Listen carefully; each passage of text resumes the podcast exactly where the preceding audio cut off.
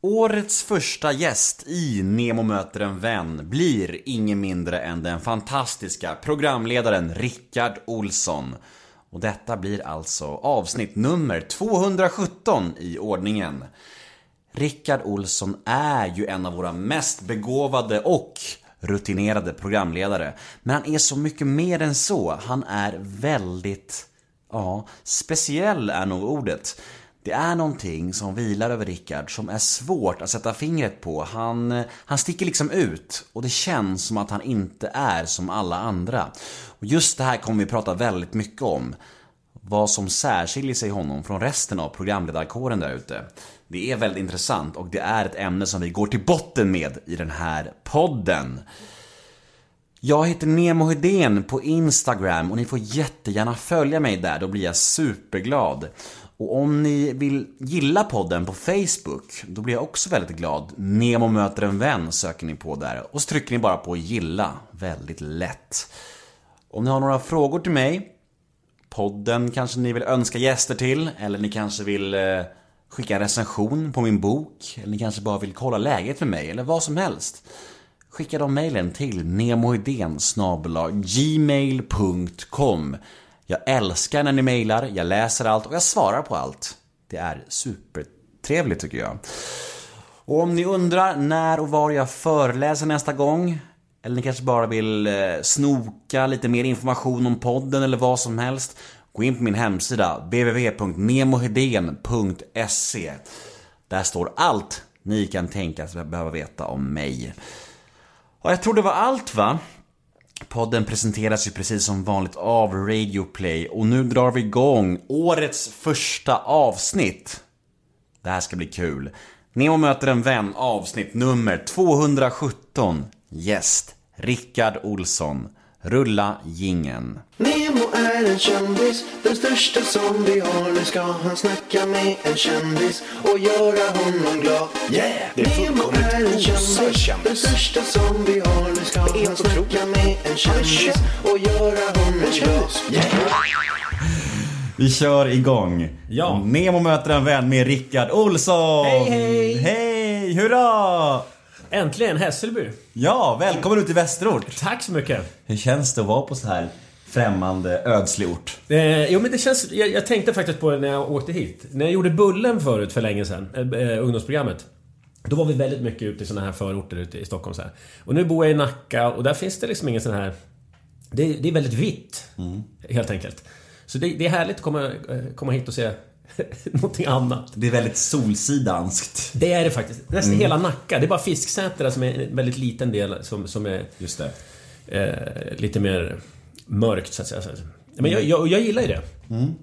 Jag tänker det om dig, att du ändå kan vara en sån som uppskattar lite, vad säger man, kulturell blandning, eller vad säger man? Precis. Kulturell blandning, när det funkar. God fortsättning. Tack så hemskt mycket. Hur eh, har jul och nyår firats? Det har ju gått i arbetets tecken. Jag har ju gjort uppesittarkvällen med Bingolotto på eh, eh, dagen innan julafton. Och sen så fick jag åka ner igen dagen innan nyårsafton och göra nyårsafton också. Och vakna på nyårsdagen ensam på ett hotellrum. Så synd om dig. Ja, det är hårt alltså. Det är hårt. Nej, men det, så det, jag har jobbat. Men det har gått väldigt bra, så det har varit väldigt roligt på det sättet. Vad säger eh, ditt barn och din tjej om att du eh, sticker iväg så här på jul och nyår? Mitt barn var hos sin mamma den här julen, så det var inte så farligt. Och sen är hon 16 år, så hon vill inte sitta med farsan på, på nyårsafton. Hon var ju på fest. Eh, Och hur känns det? Det är en helt annan fråga. ja, men det känns lite läskigt. Eh, Hon är 16 år och går på fest. Man vet ju hur det var liksom. Det är precis där liksom.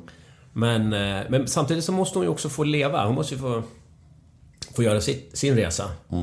Och sina erfarenheter. Är du en överbeskyddande fader? Nej.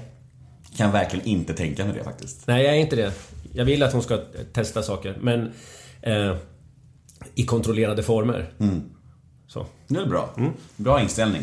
Jag bävar inför den dagen det kommer komma. Min dotter är ju snart två år och jag känner bara att när hon blir tonåring kommer jag, som jag känner nu, kommer jag ha ganska mycket panik. Eh, Men det är ju... För man vet ju hur killar är. Man vet ju tyvärr det. Ja, exakt det är ju så. vet jag, vet hur jag, jag vet hur jag har varit i min ungdom liksom. Så det är liksom, det är, ja, men Man det, vet hur killar tänker, man vet hur killar snackar och så har man en dotter själv. men Ja. det, det är väl bra? Det är väl jädrigt nyttigt också. Jag tror det. Det är väl så det är. Ehm, ibland, eh, när det finns möjlighet, så brukar jag försöka hitta en koppling mellan mig och mina gäster. Ofta går det, eh, men nu har jag spelat in liksom 215 avsnitt, så det går inte alltid. Liksom. Nej. Har du hittat någon koppling mellan oss två? Det, jag kommer till det nu. Lugn Rickard, det kommer. Jag anade det. Ehm, fast du har ju ingen aning om det här såklart. Men det är lite kul. Ehm, min pappa spelar i eh, det största ABBA Tribute-bandet tror jag i eh, Skandinavien just nu. Och de var gäster i Bingolotto den Just det. 28 oktober. Arrival. Exakt. Tribute, ja. Exakt. Och han eh, sa det, han har gjort mycket sådana där TV-grejer. Och han sa det att Rickard är så speciell. Han är ju han, han, är väldigt uppmärksam och ser folk och är väldigt proffsig och trevlig och så här. Men han har någonting som, som är annorlunda, som är svårt att sätta fingret på. Och jag, jag grävde lite i det där. Eh, Jag lyssnade på flera intervjuer med dig och tänkt mycket på det där att jag ska läsa en liten text för dig. En kort text som jag skrev om dig. Fanken vad spännande det här blir. ja, okej. Jag, jag, jag skriver så här. Du är ingen vanlig programledare. Du känns annorlunda. Du gillar liksom när det skaver lite. När något faller utanför ramen lite grann. Du säger vad du tycker, till exempel när Bingolotto får kritik i media så tjafsar du emot medan andra programledare kanske bara lägger sig platt. Det känns ibland som att du är menat för någonting annat, något större.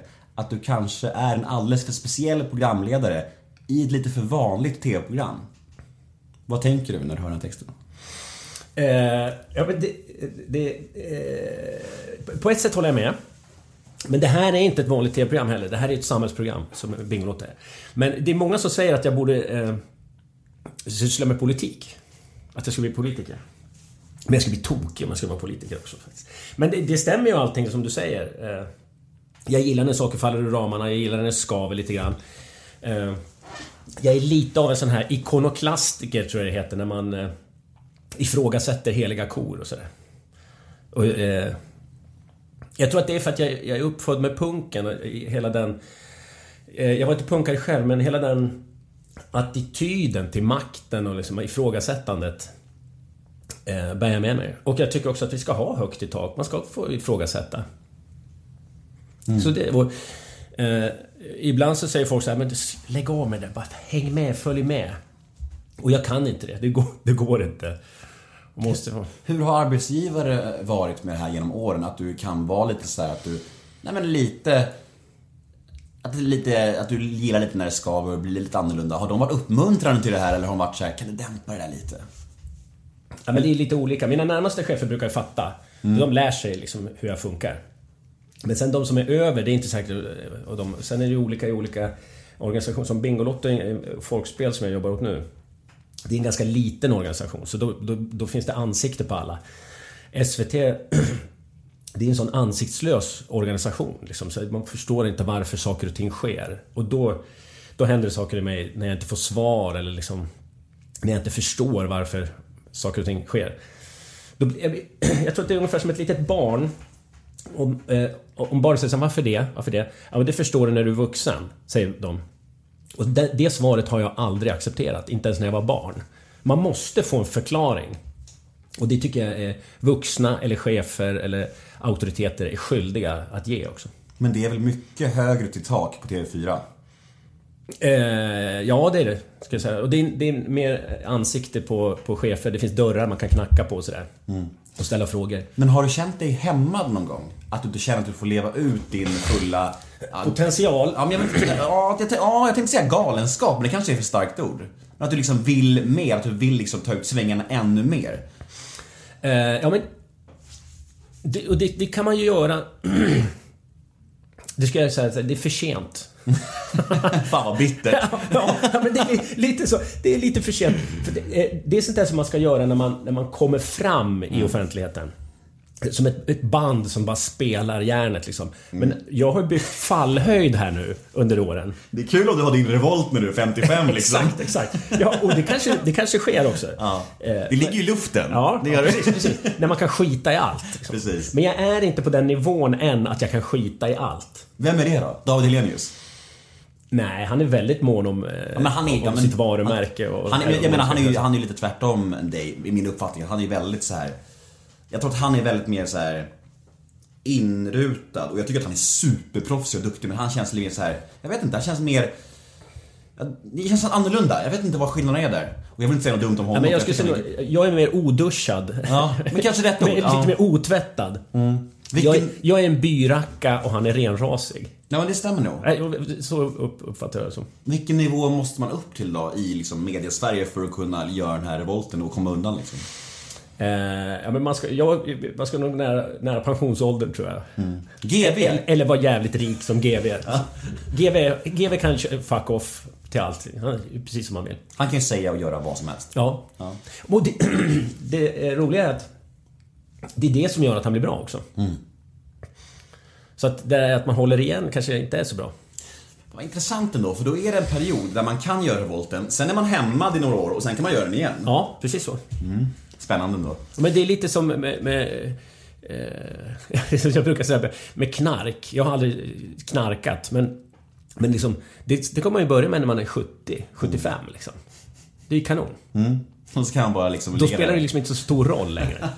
Nej, men precis. Det är inte så mycket, man kan inte få så mycket sparken från jobb. Nej, liksom, det, det spelar ingen roll om det blir en mediastorm. Nej, du ligger bara- där på hemmet och bara käkar och knaprar något. Det har varit en- ändå en kul syn, så här, löpsedeln.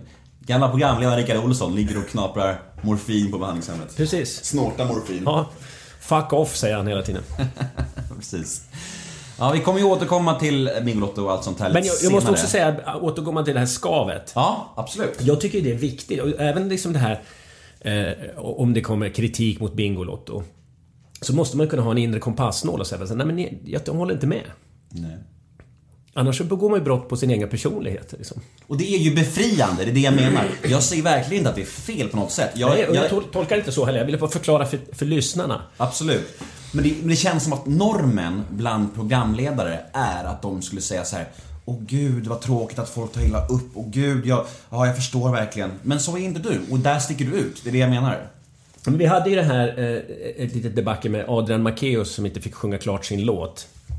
Och det var uppgjort och klart att det- det var så det skulle vara. Och så kommer tio inlägg på Facebook. Som tycker att, ja vad synd att han inte fick sjunga klart. Och så skriver tidningarna att det är en eh, tittarstorm. Och då känner man så här, ja är det tittarstorm för tio inlägg på Facebook? Nej, det är det inte. Det är tio åsikter som vem som helst. Och då måste man ändå kunna säga så här, men hörni. Om det gör så ont så kan ni väl bara bita i en träbit tills det går över liksom. Man får ju ta det... Om det är storm i, en vattenglas, i ett vattenglas så måste man ju behandla det som ett vattenglas. Inte som en riktig storm. Nej.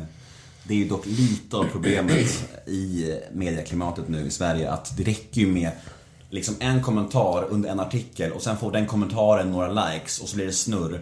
Och det kan liksom vara anonyma konton, det spelar ingen roll. Och då räcker det för en storm eller vad man ska kalla det. Jag tycker det är fruktansvärt. Jag mår, jag mår på riktigt dåligt av det.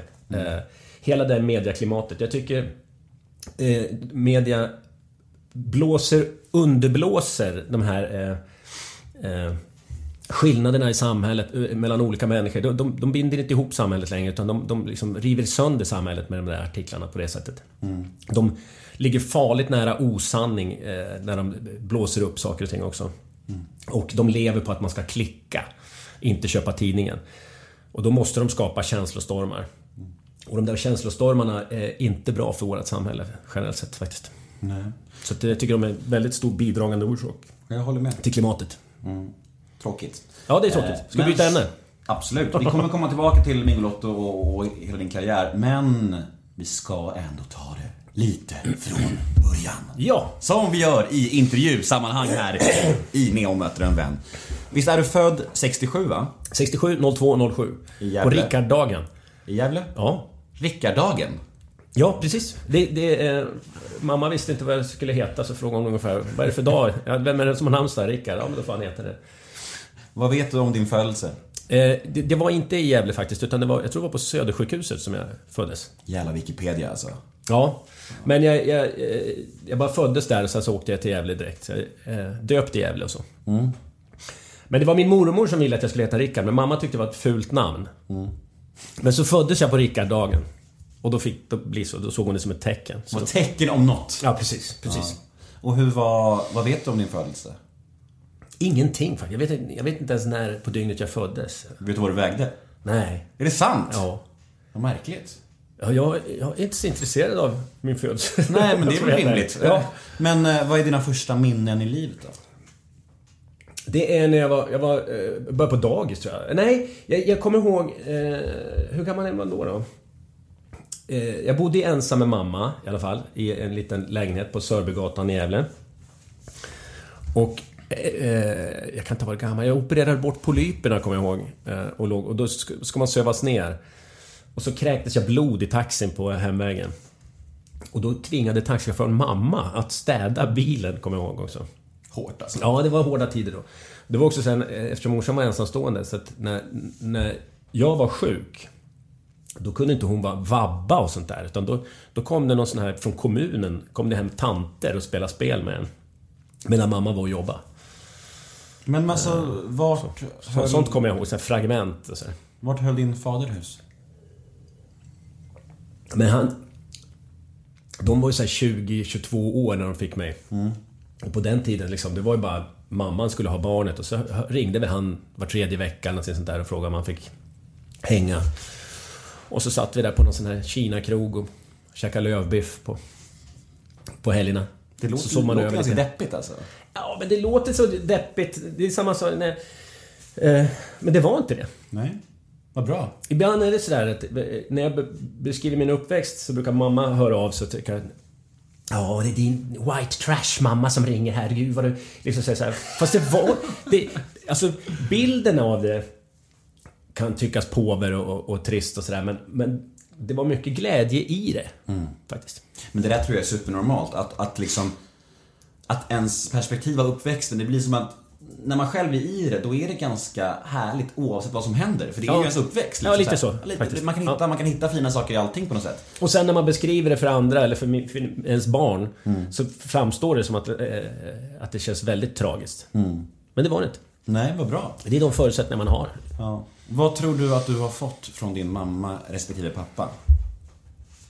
Från min mamma har jag fått en ivrighet och en envishet som man släpper liksom inte taget sådär. Det är som en grävling som har bitit sig fast i någonting. Då släpper man inte först det knakar. Eh, och från min pappa så har jag fått någon sån här... Kärleken till lövbiff. ja, nej, mer en sån här, ja men skitsamma mentalitet liksom. Ja. Ja. men lite så här, du, du har disken här. Eh, och jag skulle också kunna ha disken här om någon kom. Men det är många som skulle säga så här, man måste diska innan gästerna kommer. Och sånt där skiter jag i. Så. Också. Vad... eh, Du tog inte illa, du såg lite så här, Varför säger han att jag har disken här? Du såg lite så här, Nej, gud nej. Nej. Jag, jag, jag skäms inte över min ovilja att diska. Nej, precis. Jag, jag, brukar, jag brukar storstäda varje gång jag ska få min dotter liksom. Ja. ja men morsan är sådär Rickard du måste städa på tomten, det ser för jäkligt ut. Vad ska grannarna säga?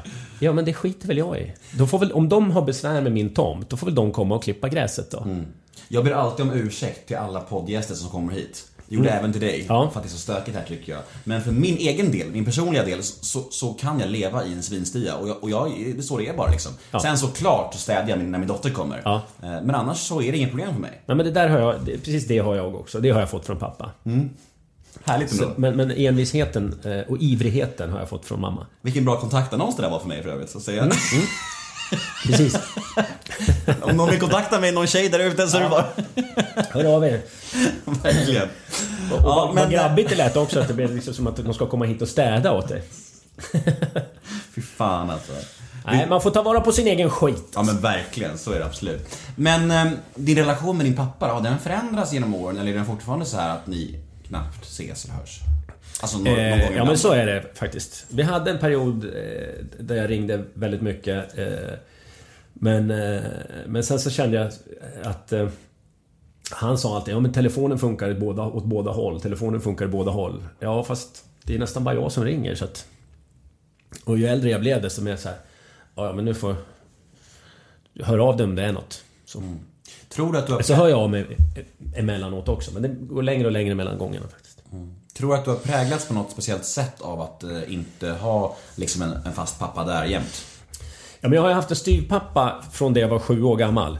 Så han har ju varit väldigt mycket ställföreträdande pappa kan man säga. Men, har ju- men, han var ju också ung när han kom in i mitt liv. Han var så här 24 år. Och han ville ju hänga med, han ville ju vara med mamma. Han fick ju vara med på köpet. Så han gick liksom inte in och tog något faderskap kan man säga. Utan vi blev kompisar sen när jag blev 19-20. Men... Eh, det, när man är ensambarn sådär och från skilsmässobarn så är man ju väldigt, väldigt mycket ensam. Det är väldigt mycket ensamt. Jag ser det på min dotter också. Hon är också skilsmässobarn. Och enda barn. Eh, och man, man, man är mycket med sig själv. Och På gott och ont, ska jag säga. Det är rätt bra också. Man blir sin egna... Eh, man blir eh, sin egna psykolog på något vänsters vis. Ja, jo men så är det nog. Eh, Har du syskon? Jag har fem syskon. Oj, oj, oj. Ja. Det är det. Så det är lite tvärtom. Eh, Men just nu har jag ju ett barn som är ensambarn och jag har tänkt mycket på det där att eh, det finns verkligen fördelar och nackdelar med både och liksom. När jag var liten så var det ju en mardröm att ha fem syskon. Det var så här, ingen uppmärksamhet, inga presenter, Nej, ingenting. Eh, Och ingen egen tid heller. Ingen tid att fundera utan det skulle liksom hela tiden, eh, jag kan tänka, positionera sig och agera mot syskonen. Exakt, och det var så cirkus och Mm. kaos och så här. Och sen fast nu i vuxen ålder är det ju jättehärligt såklart att ha så stor, stor familj. Men det är verkligen, eh, finns fördelar och nackdelar med båda. Men det märks, ja, du tog ju upp det här med jul och nyår. Det märks ju på storhelger att, att vi är ju en ganska liten familj. Sådär. Eh, Och och hon är ensam barn också. Och, och, eh, det, det är ganska tyst. Sådär. Det är inte som den där stormiga judiska familjen där alla liksom pratar i munnen på varandra direkt. Nej. Och, och jag och min dotter, vi kan sitta och hålla käften i flera timmar. Det är väldigt skönt. Mm.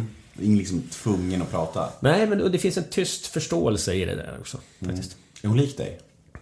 Ja, hon är lik mig faktiskt. Hon är väldigt lik mig både eh, till, eh, till naturen och till, eh, i utseendet, tycker jag. Stackarn. men hon är, hon är lik mig så som jag såg ut. Om, om det, fast, det låter som att hon eh, ser ut som jag, men... Eh, hon är lik mig som barn fast i, i tjejtappning. Om jag, om jag vore tjej. Vad hände sen då? När du började komma upp i åren och började plugget och så här. Vad hände med dig då? Vad, vilken roll tog du? Hade du lätt för dig? Vad... Ja, men jag har jag är liksom lite dubbel natur. Eh, Vi flyttade till ett ganska stökigt område som heter Sätra i Gävle. Och då, eh, jag gick liksom inte ut på gården där. Jag, ty, jag var för, för blyg för att ta kontakt med de andra på gården. Så jag satt väldigt mycket inne. Och så satt jag och tittade på när de lekte på gården.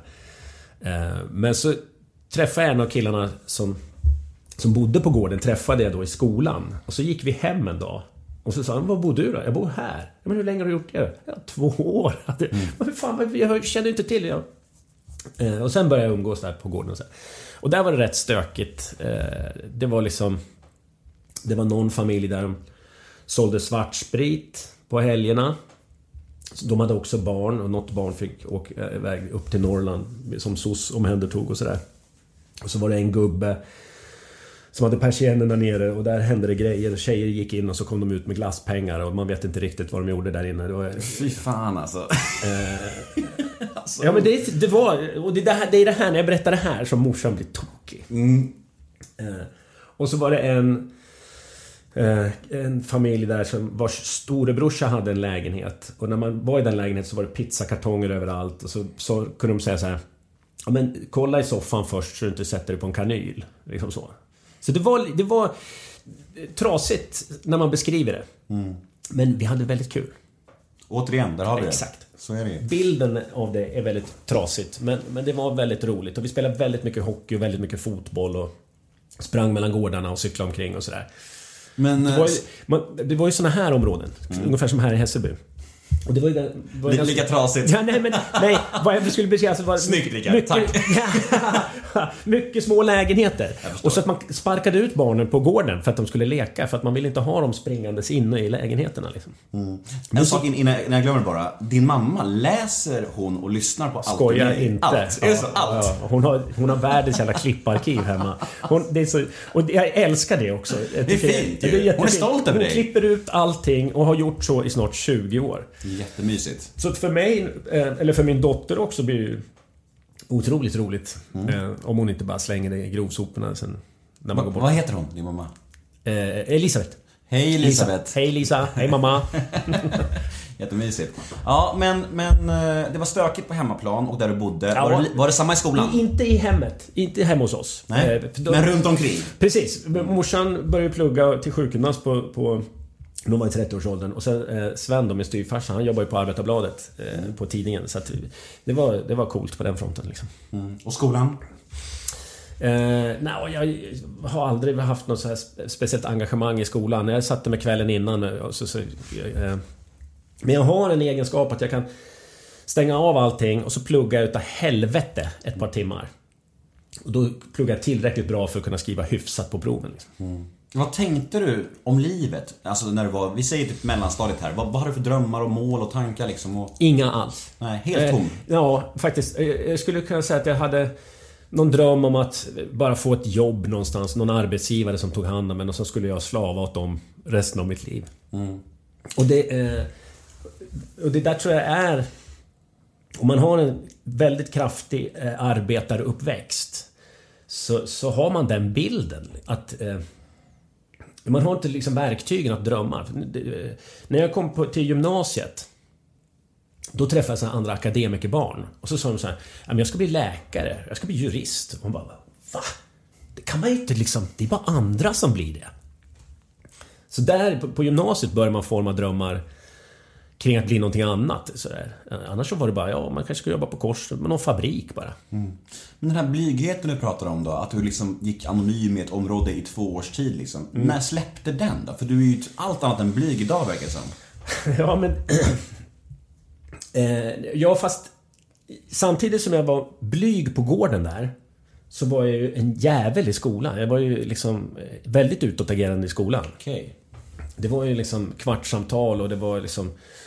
Mamma åkte- kom hem och grät efter här föräldramöten och sånt där. Det var... Så det här dubbelnatur på något vis. Här. Nu blir Lisa nostal- nostalgisk här eller? Ja, precis. Det var till och med så här i åttan, när jag gick i åttan, då var det en engelska fröken som la in en lapp i mitt skåp. Och så stod det så här. Det finns inte plats för sådana som dig i dagens samhälle. Så kan du förstå- fatta? En lärare som säger det till en elev som går i åttan. Ja.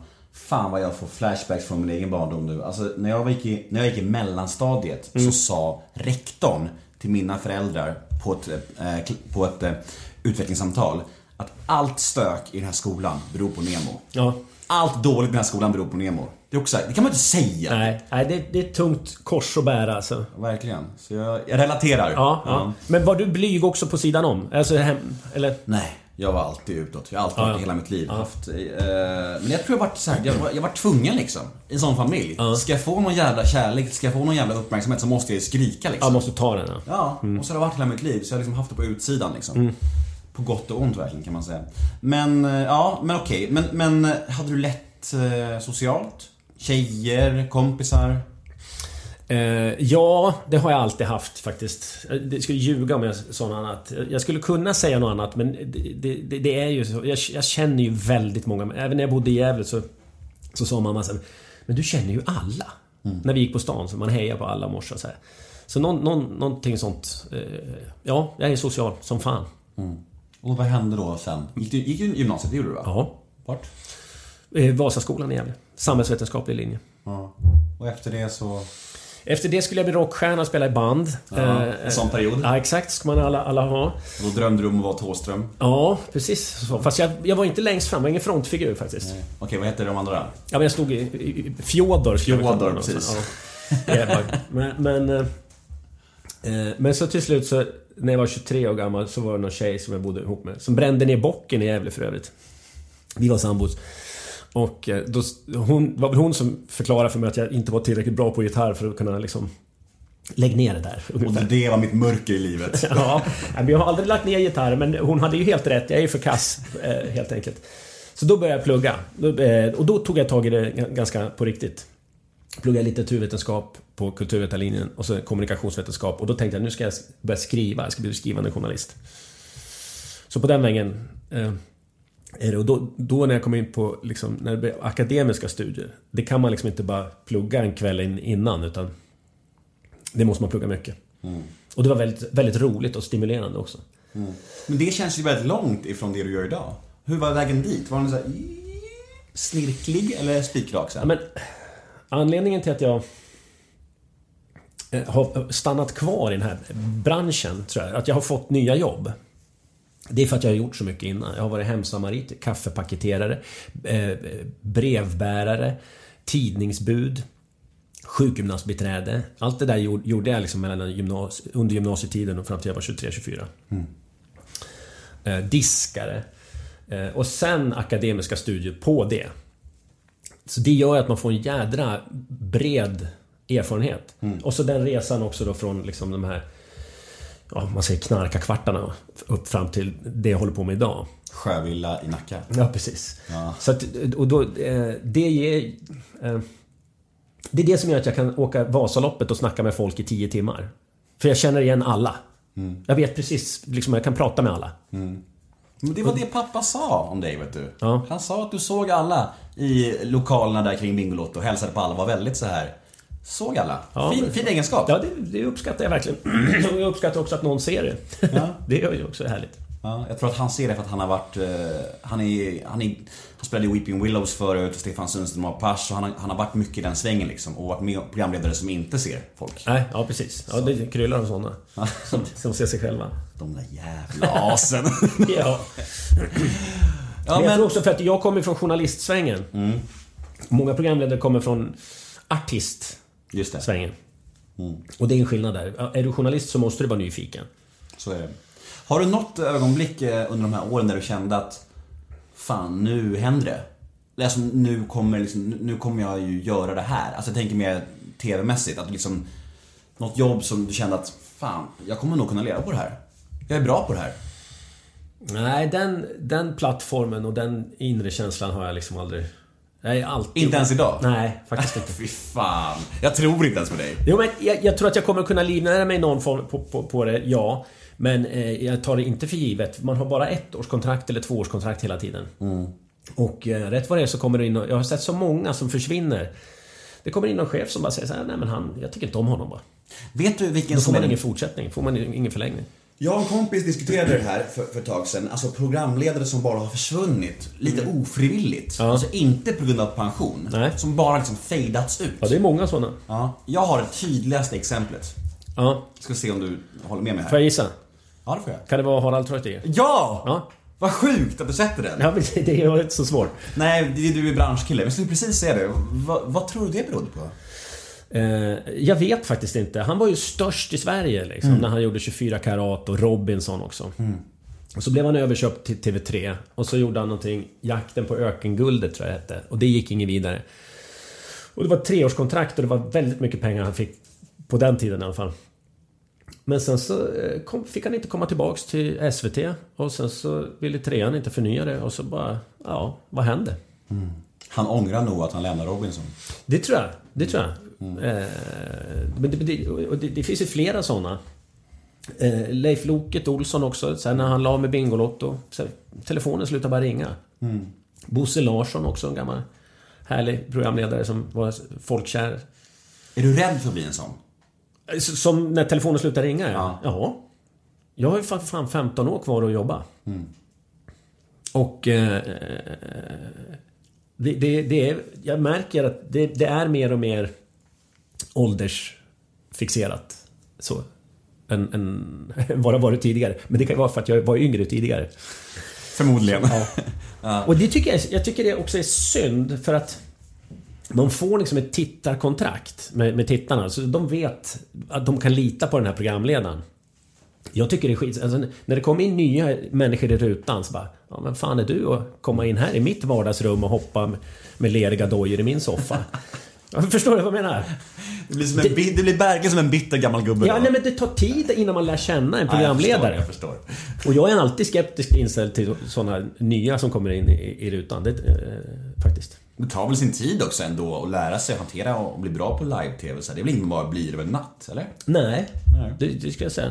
Och det, det är ju liksom ett hantverk som man ska hantera. Att, att få det... Eh, det som är väldigt konstigt. Att stå i en TV-studio och hantera en massa olika grejer.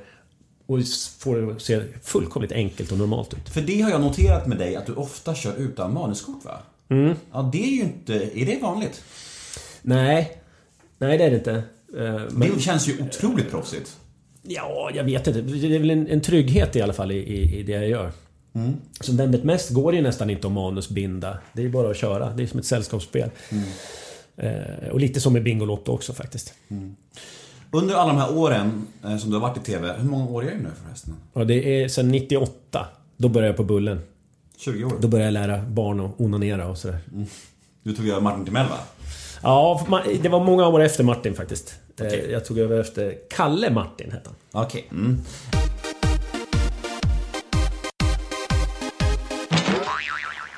Men under de här åren då, 20 år i TV. Det ju- Du borde nästan ha en 20-års show nu i år ju. Ja, det är fan mycket. Jag har tänkt på det faktiskt. Det är helt galet. Ja, det är, det är mäktigt alltså. Har du några personliga... Men det kan ta slut imorgon vet du Nemo. Imorgon kan det... Du får inte vara så skeptisk, du är jätteduktig, vad fan. Men jag tror att det är viktigt att, att ha den eh, oron i sig också. Ja, men det, på ett sätt var det jättebra att du, att du slutade på Vem vet mest och fick Bingolotto, för då blev du ju svinrik igen. Ja, precis. precis. ja, men spel, Hey, I'm Ryan Reynolds. Recently, I asked Mint Mobile's legal team if big wireless companies are allowed to raise prices due to inflation. They said yes. And then when I asked if raising prices technically violates those onerous two year contracts, they said, What the f are you talking about, you insane Hollywood ass? F- So to recap, we're cutting the price of Mint Unlimited from $30 a month to just $15 a month. Give it a try at mintmobile.com slash switch. $45 upfront for three months plus taxes and fees. Promo rate for new customers for limited time. Unlimited more than 40 gigabytes per month. Slows. Full terms at mintmobile.com. Kommer till det spel, också! spelbolag är, är bra. Fråga Rickard Sjöberg. Sjögren heter han för fan. Nej, Sjöberg heter han. Vilken Sjöberg? Ja, Sjöberg. ja. Jag sa, jag sa rätt från början. Ja, Ja. du sa, sen bytte du till Sjögren. jag- Patrik Sjögren och Rickard Sjöberg. Jag brukar blanda ihop de där efternamnen.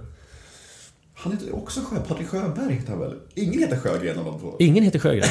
Nej. Är det ingen? Ja men då, då blir det ju lätt helt plötsligt. Patrik Sjöberg, Rickard Sjöberg, ingen Sjögren. Christer Sjögren. Ja, men där har Där du har vi Sjögren. Ja. Det är där jag menar, det där är roligt. Ja. Det är kul lyssning.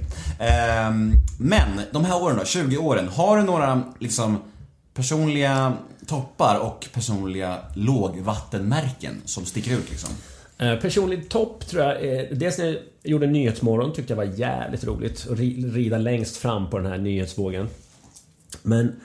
Eh, toppen är nog, tror jag, när jag började med Bingolotto första gången. För jag hade suttit i parrelationer hela tiden och gjort med, med, med olika kvinnor. Och det är dubbelt så svårt om man blir hälften så tydlig. Så då, eh, då blev det väldigt så här, när, jag fick vara själv. För då, när, man när jag satt med kvinnor hela tiden så blev det att jag skulle vara någon sån här flamsig roll och så skulle de vara en lite präktigare roll och så.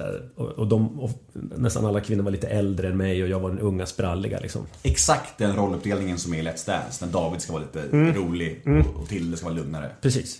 Och, det, och det är klassiskt och det, det, det, det är rätt tråkigt när det blir så tycker jag. För man vill ju visa både kanske att man har en sprallig sida och en seriös och allvarlig sida. Och det är svårt att göra det i såna här parkonstellationer. Så då fick jag göra det och då, då, då, då lossnade mitt programledarskap, ska jag säga. Eh, faktiskt. Det är toppen.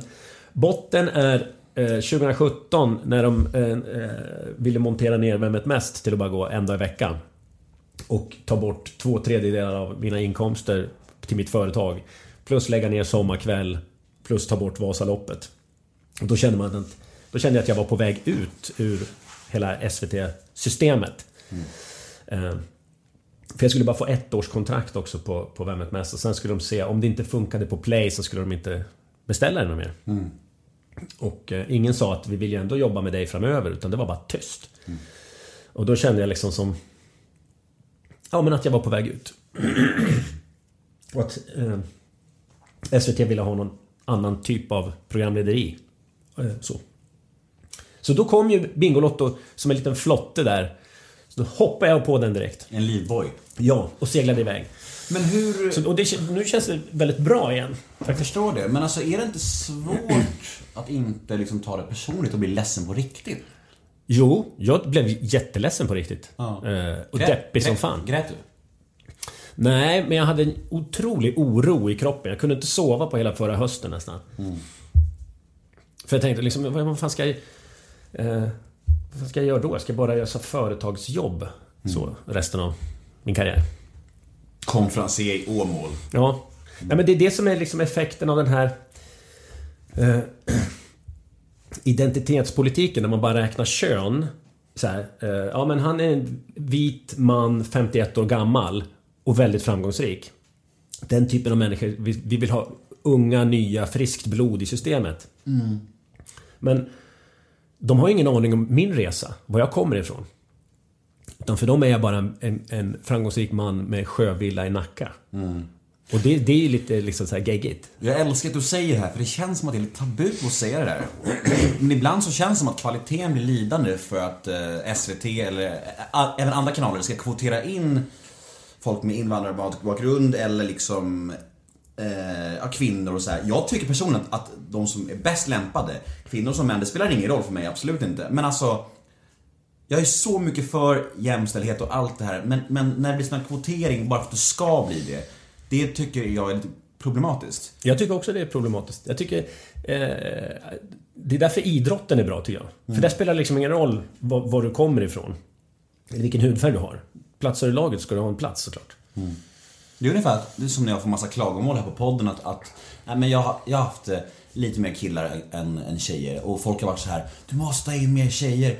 Men samtidigt vill jag inte plocka in tjejer bara för att de är tjejer heller. Nej. Jag vill plocka in människor som jag tycker är intressanta, som jag är nyfiken på, som jag tror att jag kan ha ett bra samtal med. Mm. Det blir- blir konstigt om jag bara ska plocka in tjejer för att det är en kvinna liksom. Mm. Och det tycker jag, så borde det vara i samhället stort. Jag vet jag tycker det är, jag tycker det är svårt att prata om det här för första. Ja, det är läskigt. Jag blir jättenervös. Ja. Det är tur att jag sitter här med dig som är lite mer trygg i vad du säger. Men det är också så här, jag har jobbat med TV så pass länge. Jag har aldrig varit med om att man slentrianmässigt eh, väljer in för mycket killar. Utan man försöker alltid ta in så att det är 50-50. Killar när man ringer, män då, eller killar. De kommer. Det, det, det är tre samtal så har du tre gäster. Det, är jätte, tar jättemycket mer tid att få in tjejer. Mm. Fan vad bra att du säger det här, för jag, jag har förklarat det här för folk som klagar på mig, att jag frågar, jag frågar lika mycket kvinnor som män om den här podden, men fler kvinnor säger nej. Och så är det bara. Jag vet inte varför det är så. Av 23 000 sökande till Vem vet mest? Det är frivilligt. Vem som helst får söka. Av 23 000 sökande så är 20 000 män och 3 000 kvinnor. Otroligt alltså. Mm.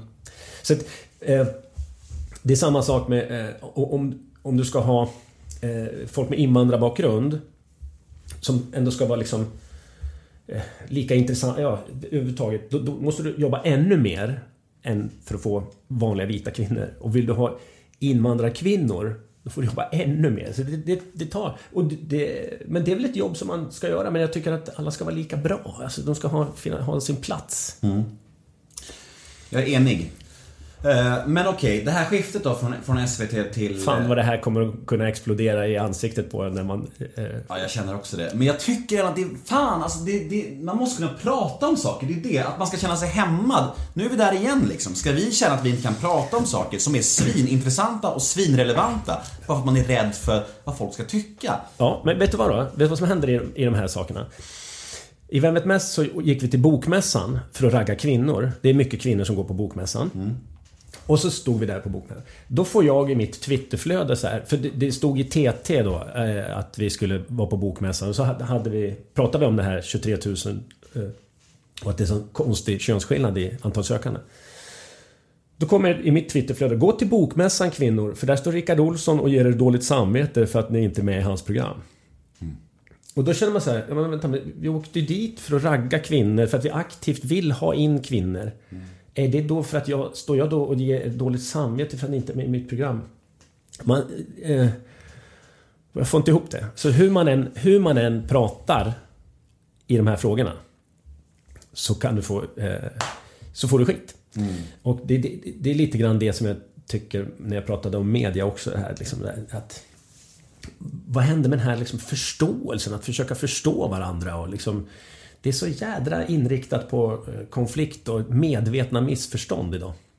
För det är väl också Det så... skaver i mig fruktansvärt. Det är väl också så man utvecklas, tänker jag. Att försöka förstå andra. Att hitta nya synsätt. Och det vill man inte det som människa. Nej. Det, jag, jag fattar liksom inte. Men eh, annars är man, blir man ju en fanatiker. En fanatiker låser ju... De vill ju inte höra några andra argument än det de redan har. Eh, Och det, vi blir fl- mer och mer fanatiska Jag tror, att jag, jag tror att det var Jerka Johansson som jag hörde i någon intervju och då pratade han om det här som vi är inne på lite grann och han sa att vad jag än säger nu så kommer folk bli upprörda. Ja, men det är lite så det vi är inne på nu också. Mm, så vi kanske ska gå vidare. Vi vill gå vidare. Men okej, bytet från SVT till TV4. Köpte du SVTs förklaring? Eh, nej. Eller jag, jag, jag tyckte så här, de, de, det var ju en pengabesparing som de skulle göra. Eh, som, eh, den... Vet jag fan om de sparade några pengar på det där i slutändan. Men... Eh, jag köpte inte förklaringen att... För det där, Vem vet mest är ett vardagsprogram. Det, det är som en bra lunchrestaurang. Den ska ligga fem dagar i veckan. Det är inte ett format som är anpassat för en dag i veckan. Så det, det, den... Den förklaringen... Eh, och det var därför jag trodde, nej men det här kommer inte att gå. Det kommer inte att gå en säsong till då heller. Om de inte liksom så. Så att, eh, nej men vi hade olika uppfattningar om hur det där programmet skulle fungera, helt enkelt. Men det går idag, fortfarande? Ja, det går precis en dag i veckan. Och vad tycker du om det programmet idag? Jag har, det ligger så jävla eh, knöligt till, så jag har sett några program. Eh, Men jag, jag tycker, ja, det funkar väl. Men, men eh, inte lika bra som ett 30 minuters format. För det, det, det blir lite långrandigt den där extra kvarten. Var det självklart att återgå till Bingolotto när den frågan kom? Ja. Tveklöst. Mm. För Bingolotto är ett sånt... Eh, eh, dels är det ett kul program att göra. Eh, det är direktsändning, vad som helst kan hända. Men det är liksom själva... Att, att vara bingoutropare, det kan väl vem fan som helst vara, mer eller mindre. Men att, eh, att pengarna går tillbaks till föreningslivet. Att pengarna går tillbaks till gräsrotsnivå i olika lag och sådär. Eh, och det är där vi bygger hela samhället. Så de här pengarna, jag, jag ser Bingolotto som ett samhällsprogram på det sättet. Eh, jag tror AIK har 19 nationaliteter eller något sånt där i, i sin organisation. Och de säljer mest Bingolotter av alla i hela Sverige. De säljer för en halv miljon kronor. Och de pengarna gör ju nytta. Så det, just när det gäller integration och allt sånt där så spelar Bingolotto jävligt stor roll. Och det är ju coolt. Jag tycker det är skitcoolt. Av alla gäster du har intervjuat och haft i dina program genom åren Det är ju många gäster och det är ju många år. Mm. Vem skulle du säga har varit liksom härligast och, och gjort mest intryck och vem har varit- mest liksom problematisk och knepigast? Eh, pro, mest problematisk, det är ju Margareta Krok. Varför? Ja men hon var direkt, hon var direkt elak när hon var Det är med. sant. Ja faktiskt. Jag tyckte så mycket om Margareta Krok, så skulle hon komma till studion. På söndagsöppet. Och så bara så här. Man ställer man en fråga så här, Va? Vad sa du? Och så ställer man om det så här. Det var det dummaste jag har hört. Alltså riktigt sådär arrogant och elak. Så då var Marie Rickardsson med, så hon gick in och liksom eh, medlade lite grann där. Och då, då kände jag också, och det var, det var jävligt nyttigt, för då kände jag så här. Jag har varit hemsamarit nämligen, för Margareta Krook var väldigt gammal då. Så har jag varit hemsamarit. Så såna här elaka kärringar och gubbar har jag liksom lärt mig hantera. Vad var- är, vad är hemsamarit? ja, eh, Du hemsamarit. skrattar åt mig! Ja, förlåt, men jag är så gammal. Så. Men sjukvårdsbiträde i öppen vård. Alltså man går hem till pensionärer och sådär. och Så, så var jag på ett demensboende och lite sånt där. Många unga lyssnare vet du. Ja, precis, precis. Eh, Men jag har torkat bajs och, och, Ja, ja. och kiss och, och borstat löständer och så. Jag förstår. Bara så att du vet. Ja. Men då kände jag också så här, såna elaka kärringar och gubbar, de kan jag hantera. Jag har lärt mig det. Det är bara att liksom låta dem vara tills de upptäcker själv att, att de är elaka. Eh, och så då löste det sig till slut. Men, men hon, var, hon var hemsk att hantera. Margareta Krook. Andra sidan spektrat då? Eh, best ever. Eh, det är, hör och häpna, rockartisten Meatloaf. Jaså? Ja. Han var med eh, i, också i Söndagsöppet faktiskt. Och var helt briljant faktiskt. En sån här riktig så här, amerikansk talkshow-gäst. När de är som bäst. Så var han. tog varenda fråga och bollade upp och gjorde humor av det och sprang omkring i studion. Och, äh, han var jävligt bra. Fan vad härligt. Vi ska köra lite snabbfrågor nu. Ja, Är du med? ja. Vem är Sveriges bästa programledare? Eh... Ja, det är jag. jag, kan, jag kan inte komma på... Säger man någon annan så kommer någon annan att bli sur så säger jag vad fan jag, jag tar den då. Ja, ja. det får man göra. Vad plockar du ut i månaden? Eh, alldeles för mycket enligt min revisor. Jag, jag, jag får lön från mitt företag får jag kontant 15 000 kronor. Eh, men, tror det. Alltså, du, du vad slingrar dig nu gör du. ja, men jag, jag har ju ett företag. Ja. Så alla pengar går in och sen så Det plockar jag jag. ut från det företaget. Så du, ja men det lät, lät så lite bara tycker jag. Ja, jag vet. Det är för lite. För jag går ju där och nallar hela tiden. Ja, jag förstår. Så du har ett företagskort som du använder konstant ändå? Ja, precis. Exakt. Berätta om något olagligt som du har gjort. Eh, ja, vad fan har jag gjort för olagligt? Jag är ganska laglydig, eh, tråkig i den bemärkelsen. Jag blir rädd när det, när det blir så här olagligt. Men jag, jag skulle kunna tänka mig att jag har kört tidigt morgon efter någon fest. Att det inte har varit eh, riktigt okej i blodet. Jag förstår. Vad röstade du på sist nu? Eh, jag röstade faktiskt... Jag röstade på KD för, i landstingsvalet för de vill eh, förstatliga eh, sjukvården. Och jag röstade på Liberalerna i eh, riksdagsvalet för de vill förstatliga skolan. Så det var två kommunistiska val som jag gjorde, men jag la dem på den borgerliga sidan. För jag tycker att sjukvården och skolan ska vara förstatliga. Vi ska ha en, en jämlik sjukvård och en jämlik skola. Och det funkar inte så med de här landstingspolitikerna och landstingen och eh, inte skolan heller faktiskt. Vad slösar du pengar på? Eh, Jag slösar pengar på gitarrer och vattenprylar. Eh, Allt som har med vatten att göra har en speciell fil i min plånbok. Så vattenspridare? Nej, nej, nej, nej, nej, inte vattenpistoler heller utan nu snackar vi båtar, Ah, ja. eh, vattenskidor, Jag såg eh, framför mig så här på din, i din trädgård, 200 vattenspridare. Ja, slösa pengar på vattenspridare, det var väldigt roligt. Regnmätare. Konstigaste fetischen jag hört. Ja, nej men båtar. Eh, Och eh, vattenskotrar och såna här suppar, såna stå paddleboards och sånt. Det, det, det får jag köpa hur mycket som helst. När gråter du? Eh, väldigt sällan, men eh, När var senast? igår kväll faktiskt. Då, för då satt jag eh, och så... Eh, jag satt och spelade gitarr och så såg jag framför mig hur, hur min dotter tog studenten. Och så var det en låt där som jag tänkte fan det där ska jag, jag ska, det där ska jag göra när hon tar studenten. Det är så vackert så att jag... Då, började- då fick jag tårar i ögonen som rann ner på kinderna. Men inte så här Hulka. Hulka har jag inte gjort på flera år. När min hund gick bort, då gick jag i skogen och då ekade det mellan träden där. När kokar du av ilska? Eh, när jag inte får förklaringar på saker och ting. När, när, liksom när folk viftar bort eh, frågor eh, som, problem, problem som jag ifrågasätter. När får du Och orättvisa också. Orättvisa blir alltid jävligt förbannad. Hyckleri. Där satt den! Hyckleri. När man säger en sak men gör en annan. Framförallt om man utger sig för att vara väldigt god och fin. Men inte klarar av att eh, leverera eh, bakåt. Det känns som du vill säga något namn här, men kanske inte kan. Nej. Nej, inte namn. Men, Okej. men, men hyckleri generellt sett. Jag förstår. Och det finns mycket av sånt på sociala medier tycker jag också. Så det, mm. När får du sån här bultande ångest och hur hanterar du det? Eh,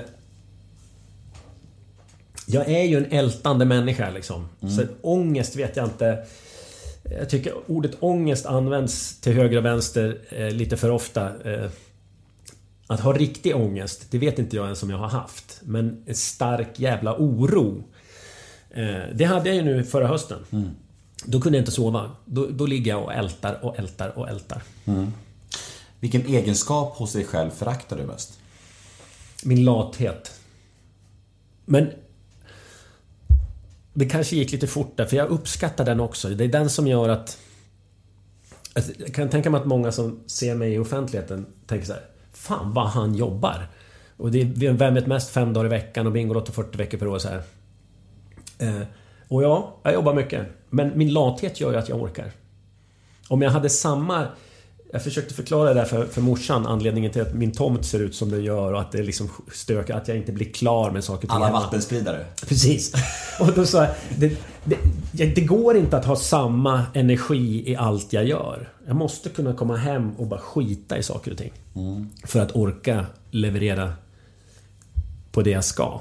Det är Det viktigast. där, eh, det där brukar Sigge Eklund prata om, att han, han är så låg Han har sån låg energi i sitt liv, Mm. konstant. Han ligger alltid så lågt i energi så han, så han behöver mycket mindre sömn. Han sover typ så här fyra timmar per natt liksom, för att han aldrig liksom går upp i energi. Som en sån här sengångare ja, ungefär. ja, vad fan, tänk att lära sig det. Det låter ju Ja. aseffektivt på Ja, det, ja, ja. Fast vad tråkigt att ha så låg energi i sitt liv. Jag gillar ju att gå upp i energi. Ja, Det känns som att vi har haft ganska hög energi i den här podden. det har vi. Det har vi. Du kom, du kom helt slut efter. Det, det, ja, precis. Jag med. kommer sätta mig i bilen och somna. Precis. Eh, vad har du för relation till alkohol? Eh, ja, men jag tycker om alkohol. Eh, jag har dragit ner betänkligt på det nu senaste året faktiskt. Så att, men jag tycker det, det är skönt. Var det mycket sorgsupa där under Vem vet mest-grejen? Sista, förra hösten ja. Mm. Inte supande, men det var så här, sitta på hotellrum och bara inte ha någonting att göra och, och älta med någon bira. Jag dricker inte så mycket stark sprit längre. Det har jag liksom lagt ner. Utan det är öl och vin. Jag förstår. Jag har ett segment som heter ett ord om, som går ut på att jag säger fem stycken svenska kändisar och du ska säga det första ordet som kommer i ditt huvud när du hör namnen. Intressant. Ja. Vi kör. Ett ord om Alex Schulman. Eh, han har gjort någon slags resa hos mig. Från när jag tyckte att han var väldigt... Eh, eh, ja, det blir inte ett ord. Eh, det har blivit bättre. Bättre. Du kan säga för, förvä- för, förändring, förvandling. Ja, förvandling. Förvandling ska jag Det är säga. ett snällare ord. Bra förvandling. Positiv förvandling. Det är två ord, men du kommer undan Ja. med det. Marcus Birro. Eh, orättvist behandlad. Också två ord. Men det är okej. Sara Larsson. Bra. Jimmy Åkesson. Inget bra. Leif... Nej. Ja. Jag säger inget bra. Dålig. Fast man vill säga om Åkesson att han är duktig. Han är den bästa partiledaren. Fast jag håller inte med honom i något. Kan man säga. Eh, GV. Underbar. Så tre av fem inom segmentet ett ord om har du två ord. Ja. Det är Men det är svårt. Jag vet. Alla tycker det är svårt. Ja. Du är inte ensam kan jag säga. Eh, ja, Fan vad svårt. bra ändå tycker jag. Eh, nu ska vi damma av nio stycken lyssnarmail. Sen är vi klara. Ja. ja. Är du med? Ja. Veckans mail nummer ett. Vad gör du helst en helt ledig dag när du inte har något jobb? Eh, jag, jag, jag är lata med. Jag är en lat jävel. Eh, jag går omkring och tar upp gitarren lite grann, spelar lite, sätter ner den. Eh, läser en bok, läser tidningen och sen väldigt mycket skärmtid. Jag tror jag har fyra, fyra fem timmars skärmtid varje dag. Faktiskt. Vad kan du rekommendera just nu? Eh, ja, men jag läser ju bara nyheter. Jaha, jag tror du var en sån här serienörd. Nej, Nej. serien är inte. Men, men nu, nu tittar jag på Westworld, men jag är sist på serier. Jag har precis avslutat Game of Thrones. Alltså jag har, Eh, varken West- jag har varken sett Game of Thrones eller Westworld. Ah, har du inte? Ja, men vad härligt. Jag- Jag trodde det var sist. Jag var helt torsk på Game of Thrones hela den här hösten. Ja. Jag kanske bara borde svälja min stolthet och göra det en gång för alla. Ge det tre avsnitt. Har du inte fastnat då, då kan du släppa det. Jag har så svårt för den här fantasy-biten. Jag har alltid haft det så här. Men eh, det kanske kan vara en förändring. Vi får se. Jag ska, Efter idag så kanske jag kan prova det. Ja. Mm. Nästa mail. Mail nummer två. Rickard, varför säger du Bingolotto will be great again i slutet av Bingolotto? Är det en hommage till, Till Trump? Trump. Stödjer du honom? Nej, det är klart att jag inte stödjer honom. Men Folk undrar ändå det. Ja. Ja. Eh, och det, eh, det där är också sådär... Man måste kunna skoja även om Trump. Alltså att man, man, vi, man tar hans uttryck men sätter det på Bingolotto. Det är ju lite roligt snarare. Ja. Det är distans kallas det. Det fanns förut. Eh, folk kunde ha distans till saker och ting. Även självdistans fanns också förut istället för att ta sig själv på alldeles för stort allvar. Det kommer vara var det nya. tider. Du vet att varje år så är det så att det kommer några nya ord i ordlistan ju. Det kommer vara nya att ta bort ord. Mm. Precis.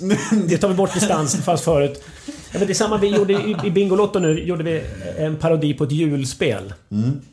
Och då blev folk helt galna. Och så, där, man får inte, jag är kristen, man får inte ha, skoja med Jesu födelse och så här. Grejen var att eh, Josef ifrågasatte vem som var farsan till det här barnet som Maria hade. Han trodde inte på det här med jungfrufödseln. Så. Eh, och det skulle man inte få göra. Så här. Och sen, vad, vad fan, ska vi inte få skoja med ett julspel? Men det är jätte... Eh, vi, vi kan tycka att det är konstigt att man inte får av, eh, eh avbilda Mohammed. För då får man en fatwa på sig. Eh, och då, det är liksom förbjudet. Det kan vi som kristna tycka. Men om någon skojar med julspelet, nej då jävlar. Det kallas också distans. Vi måste kunna... Vi vet ju vad, hur den riktiga historien. Och så kan vi skoja lite med den Men så vet vi ändå den riktiga historien. Men du kanske har missat det här. Rickard, att distans, det ordet försvann inför i år. Ja, det var det så alltså? Precis, du måste köpa den nyaste ordboken. Det, det, första januari 2019 försvann ordet distans. Det är en jättekul grej. Börja ta bort ord. Ja. Och så måste alla människor bara glömma de orden. Det är jättekul. Sudda ut det bara, sudda ut det. Nu tar vi varandra på bara fullaste allvar. Allt som säger, sägs, det menar man. Exakt. Så skojar man, då tycker man det egentligen. Det låter som en episod av Black Mirror. Ja, det låter som eh, situationen just nu faktiskt. Usch. Nej, det är ingen... Eh, eh, eh, jag stödjer inte Trump. Nej. None whatsoever. Veckans mail nummer tre. Han är galen. Hej Rickard, du har ju lett typ alla stora program i Sverige. Mello, Nyhetsmorgon, Wild Kids, Bullen, Bingolotto etc. etc. Vad har du kvar för drömmar? Jag skulle vilja göra ett eh, nyhets... Eller aktualitetsprogram. Som var lite som Den goda kvällstidningen fast i TV. Eh, lite som Efter tre var när det gick också. Det skulle jag vilja göra varje dag. Eh, typ klockan 10 på kvällen. Summera dagen som har gått. För de som inte läser tidningen. Eh, och inte då... Jag tycker det är så konstigt att så här, Först så kommer nyheterna. De är viktigast. Och sen så kommer kulturen och då är det någon annan som har kulturen. För att de här som håller på med nyheterna, de kan liksom ja, kan inte de någonting om kultur? Nej, då är det någon annan som gör det. Och sen kommer tredje då, längst ner på listan, då är det sporten. Alla har olika vignetter och sådär. Eh, gör ett program med en programledare eller två som kan prata sport, samhälle, kultur och, eh, och nöje. Mm är, jag fattar inte. Det är som en kvällstidning, som ett aktualitetsprogram. I radion funkar det. Det skulle jag vilja göra. Bra. Veckans mail nummer fyra. Berätta om dina tankar och känslor kring metoo. Var du själv nervös och orolig eller visste du att du var safe, så att säga?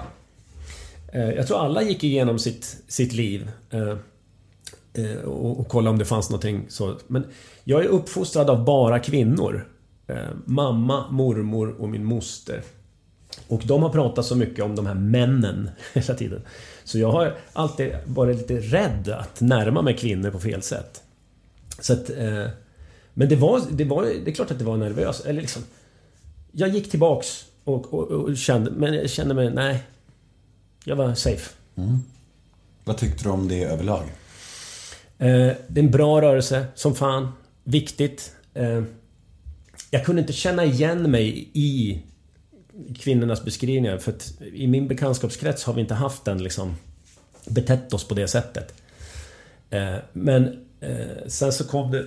Sen så blev det också väl blodtörstigt på ett sätt. Det blev eh, mer en hämndaktion som är, Det fanns liksom lite övertoner i den som är som var olustiga, tycker jag. Men det som har hänt efteråt är ju bra. Det ska bli intressant att se, och jag tror att den, den kommer att ge avtryck för tid och evighet. Eh, De huvuden som rullade under metoo, var det överraskningar för dig eller var det väntade? Men det som var konstigt, eh, några huvuden som rullade. Eh, sexuella trakasserier är olagligt. Men det är inte olagligt att vara ett arsel eller liksom bete sig. Och, det fanns en omgivning också som hade tolererat folk att bete sig illa. Eh, och den omgivningen behövde liksom inte ta något ansvar själva. Och det tycker jag var liksom... Men eh, när det gäller sexuella trakasserier så det är klart att det, det är åt helvete. Men eh, jag tycker omgivningen också har ett ansvar i att, eh, att säga ifrån tidigare kring folk som eh, beter sig illa. Och då menar jag inte sexuellt utan då menar jag liksom att man skäller ut folk och förnedrar folk på, på andra sätt. Vi har ju faktiskt ett självmord på Stadsteatern också. Eh, på grund av metoo. Det har vi snackat om ganska mycket i Och de där- senaste episoderna. Ja, med där- Kat- Katarina Evelöv och eh, med Allan Svensson tror jag. Ja. Benny, Benny Fredriksson. Just det, och där folk i efterhand går ut och försvarar honom. Men vågade inte göra det under metoo-rörelsen. Det är ju fruktansvärt. Just det var Katarina Evelöv helt förkrossad över kan jag säga. Ja, men det, det, det, ju, det, säger ju en hel del om baksidorna av hela den metoo-rörelsen. Folk var rädda för att liksom ta någon i försvar. Helst. Ja, mail nummer fem. Hur kommer det sig att du bara har ett barn? Finns det planer på fler? Vad vill du? Eh, jag vet inte vad jag vill. Det finns inga planer på fler. Jag har ju en sambo eh, och hon jobbar med barn. Så att eh, hon kommer hem på dagarna och är så trött så att hon orkar nästan inte göra några barn. Eh, så att, men men det, det är hon som får bestämma det där faktiskt. Hon är mycket yngre än mig också. Hur gammal är hon? Hon är 33. Så att, eh, jag har inget behov av det. Men om hon vill det, då måste jag säga antingen ja eller nej. Ja, du har ju en grej att göra där för att skapa barnet. Exakt. Ja. Eh, mail nummer sex. När blir du som mest less på din bransch? Eh, jag, jag börjar... När... När man inte får skå... Liksom... Den här distansen som jag tycker man ska ha igen. Jag tycker det är så jävla viktigt att vi kunna liksom ha distansen och förståelse för saker och ting. Om, eh, om man är en eh, allvarlig människa och så skojar man. Då blir folk tokiga. Eh, är, man, är man allvarlig, då ska man alltid vara allvarlig. Och eh, är man en flamsig jäkel, då ska man alltid vara flamsig. Alltså att kunna gå mellan de där, det, det, det tycker jag... Eh, eh intolerant publik, det börjar jag tröttna på. Mm. Mail nummer sju. Hej Rickard. Berätta om din relation med Martin Timell. Eh, ja men vi är kollegor. Och har alltid varit. Han gjorde ju eh, Bullen. Just det. Så vi har känt varandra. Men, men bara liksom så här kollegialt och heja på varandra. Inget mer. Du har aldrig uppfattat honom som ett, vad ska man säga, problematisk i inspelningssammanhang? Nej, jag, inte för mig. Inte Nej. så här, men, men folk har pratat om det. Okej. Eh, så. Och det är det jag menar med att... Eh, att, att, själv, att där har omgivningen ett ansvar. Att de inte har gjort någonting åt det. Mm. Om det är så. Då får man ju som chef liksom ta någon i örat. Han drog in för mycket pengar. Exakt. Men eh, man ska inte eh, skämma bort folk ändå. Eh, faktiskt. Nu är vi ute på, ute på tunn is här känner jag. Nej men man måste väl ändå kunna säga åt folk, så där får man inte bete sig. Nej, jag håller med. Även om de Enig. är kassakossor liksom. Verkligen. Och det är det jag tycker är taskigt mot Martin i det där. Att man helt plötsligt bara sätter ner klackarna och säger Jaha, vad fan det här... Det här är ju... Som programledare säger så här. Man är väldigt eh, beroende av en omgivning. Och om den omgivningen inte är bra, då blir inte du bra. Och då är det risk att du kanske inte får något mer jobb. Alltså du, du, och om man då eh, ställer krav på sin omgivning. Och så gör man det på ett sätt som... Ja, för de lyssnar inte. Och så blir man förbannad. Ja, då lyssnar de. Ja, men då lär man ju sig det till slut. Och så tillåter omgivningen det här. Till slut så blir du arg. För att då vet du att du får din vilja igenom. Det är ju också superintressant just med Martin Timell att Alltså om man klappar en människa medhårs i liksom 20 år och hur han beter sig och liksom bara jordar det på något sätt. Det blir så cementerat och jag tror att, han, jag tror att hans beteende har nog inte förändrats genom åren. Han har nog varit likadan jämt. Men så en dag så bara liksom så här, är det inte okej längre? Och han, jag tror inte han fattade någonting. Det tror inte jag heller. Jag tycker det är taskigt av en omgivning. Om det nu är så här eh, så som, eh, så som det är beskrivet. Det vet ju varken du eller jag. För Mm, jag har aldrig varit på någon inspelning och, och råkat ut för det. Så att, men så som det beskrivs. Mm. Så tycker jag att det, det är liksom... Det är taskigt. För det är ju så, om man bara liksom inte säger någonting då blir det ju så att då, då, då, då sup- supportar man ju bara det beteendet och då, och liksom, då blir det bara värre och värre och värre såklart. Ja. Och det gäller ju alla, det, det kan man ju se på så många Nej men Dramaten-gubbarna också liksom som är buffliga och, och stökiga och otrevliga liksom. Men det är bara för att liksom ingen har sagt ifrån. Ja. På riktigt. Jag fattar inte heller, det gäller artister också så här. Att de får sina vredesutbrott och så ska alla anpassa sig efter det. Istället för att säga Du, gå tillbaks. Kom, jag vill prata med en vuxen Leila K. Eller vad fan det nu kan vara. Ja.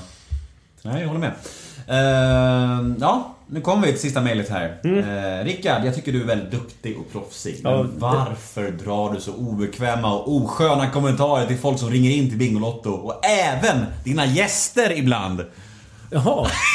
Och då, då vet inte jag vad den här eh, brevskrivaren menar med osköna kommentarer. Nej. Om det, jag gillar ju att... eh, Att inte vara så inställsam när jag intervjuar. Att man kunna säga lite bitchiga saker eh, emellanåt.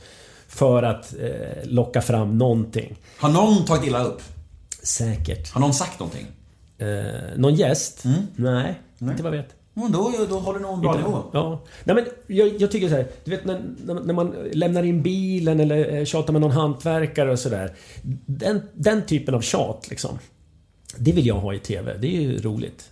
Att, jag, jag, eh, jag tycker eh, Letterman var extremt mycket roligare och bättre än Jimmy Fallon till exempel. Jimmy Fallon är bara inställsam. Eh, och kammar medhårs. Medan Letterman, han kunde ju vara liksom så här, ja, bitsk och, eh, och bitchy mot sina gäster. Men det, ju, det blir mycket bättre, mycket roligare. Då får man tänka lite själv också. Inte som fan, sitter man väl och tittar på TV bara för att liksom sitta och le och, och liksom, lite obekvämt för att testa. Vem är du då? Liksom så. Ja. Bra! Du, vi börjar bli klara. Är det så? Hur känns det? Det känns bra. Vi kom igång. Det tycker jag verkligen. Hoppas du är nöjd. Jag är supernöjd. Eh, hur eh, ser ditt schema ut framöver? Vad händer? I pipen? Ja, så här är det. Eh, jag gör Bingolotto nu på söndag och sen på måndag, det är då den måndag den 7 januari. Då åker jag ensam till Fuerteventura, Playitas, till ett sånt här träningsanläggning.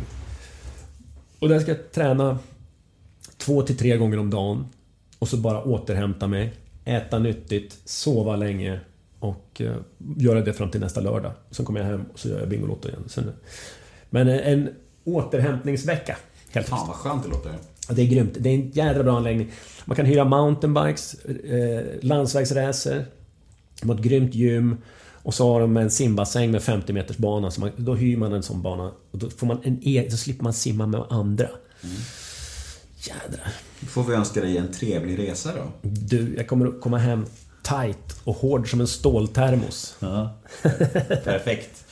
Eh, Stort tack för att du ville vara med i min podcast. Tack så hemskt mycket Nemo. Ska du inte ta tag i disken nu? Jag ska göra det. Min dotter kommer ju i eftermiddag. Ja, du ser. Hej då! Hej då!